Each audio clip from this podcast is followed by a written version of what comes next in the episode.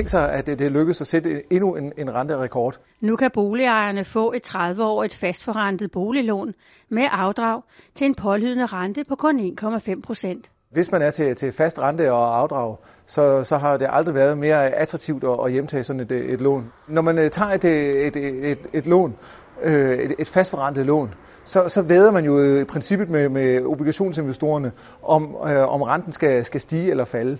Hvis, hvis renten stiger, ja, så, så vinder man jo på at have taget et fastforrentet lån. Hvis renten falder øh, yderligere, så, så taber man. Øh, og hvad er så det bedste gæt på, hvad, hvad renten er? Ja, det er det historiske gennemsnit. Her kan man få et 30-årigt lån øh, til en, en, øh, en rente, øh, fast rente, der, der er lavere end det historiske gennemsnit. Det vil sige, at øh, sandsynligheden for, at man vinder på det her vedmål, er ganske, ganske stor.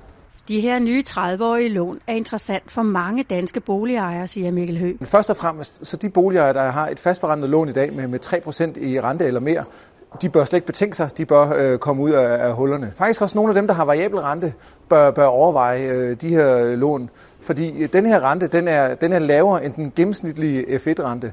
Dem, som, øh, som, som er interesseret i, i det her, de, de skal få et tilbud, og så kan deres rådgiver hjælpe med at indfri det, det gamle.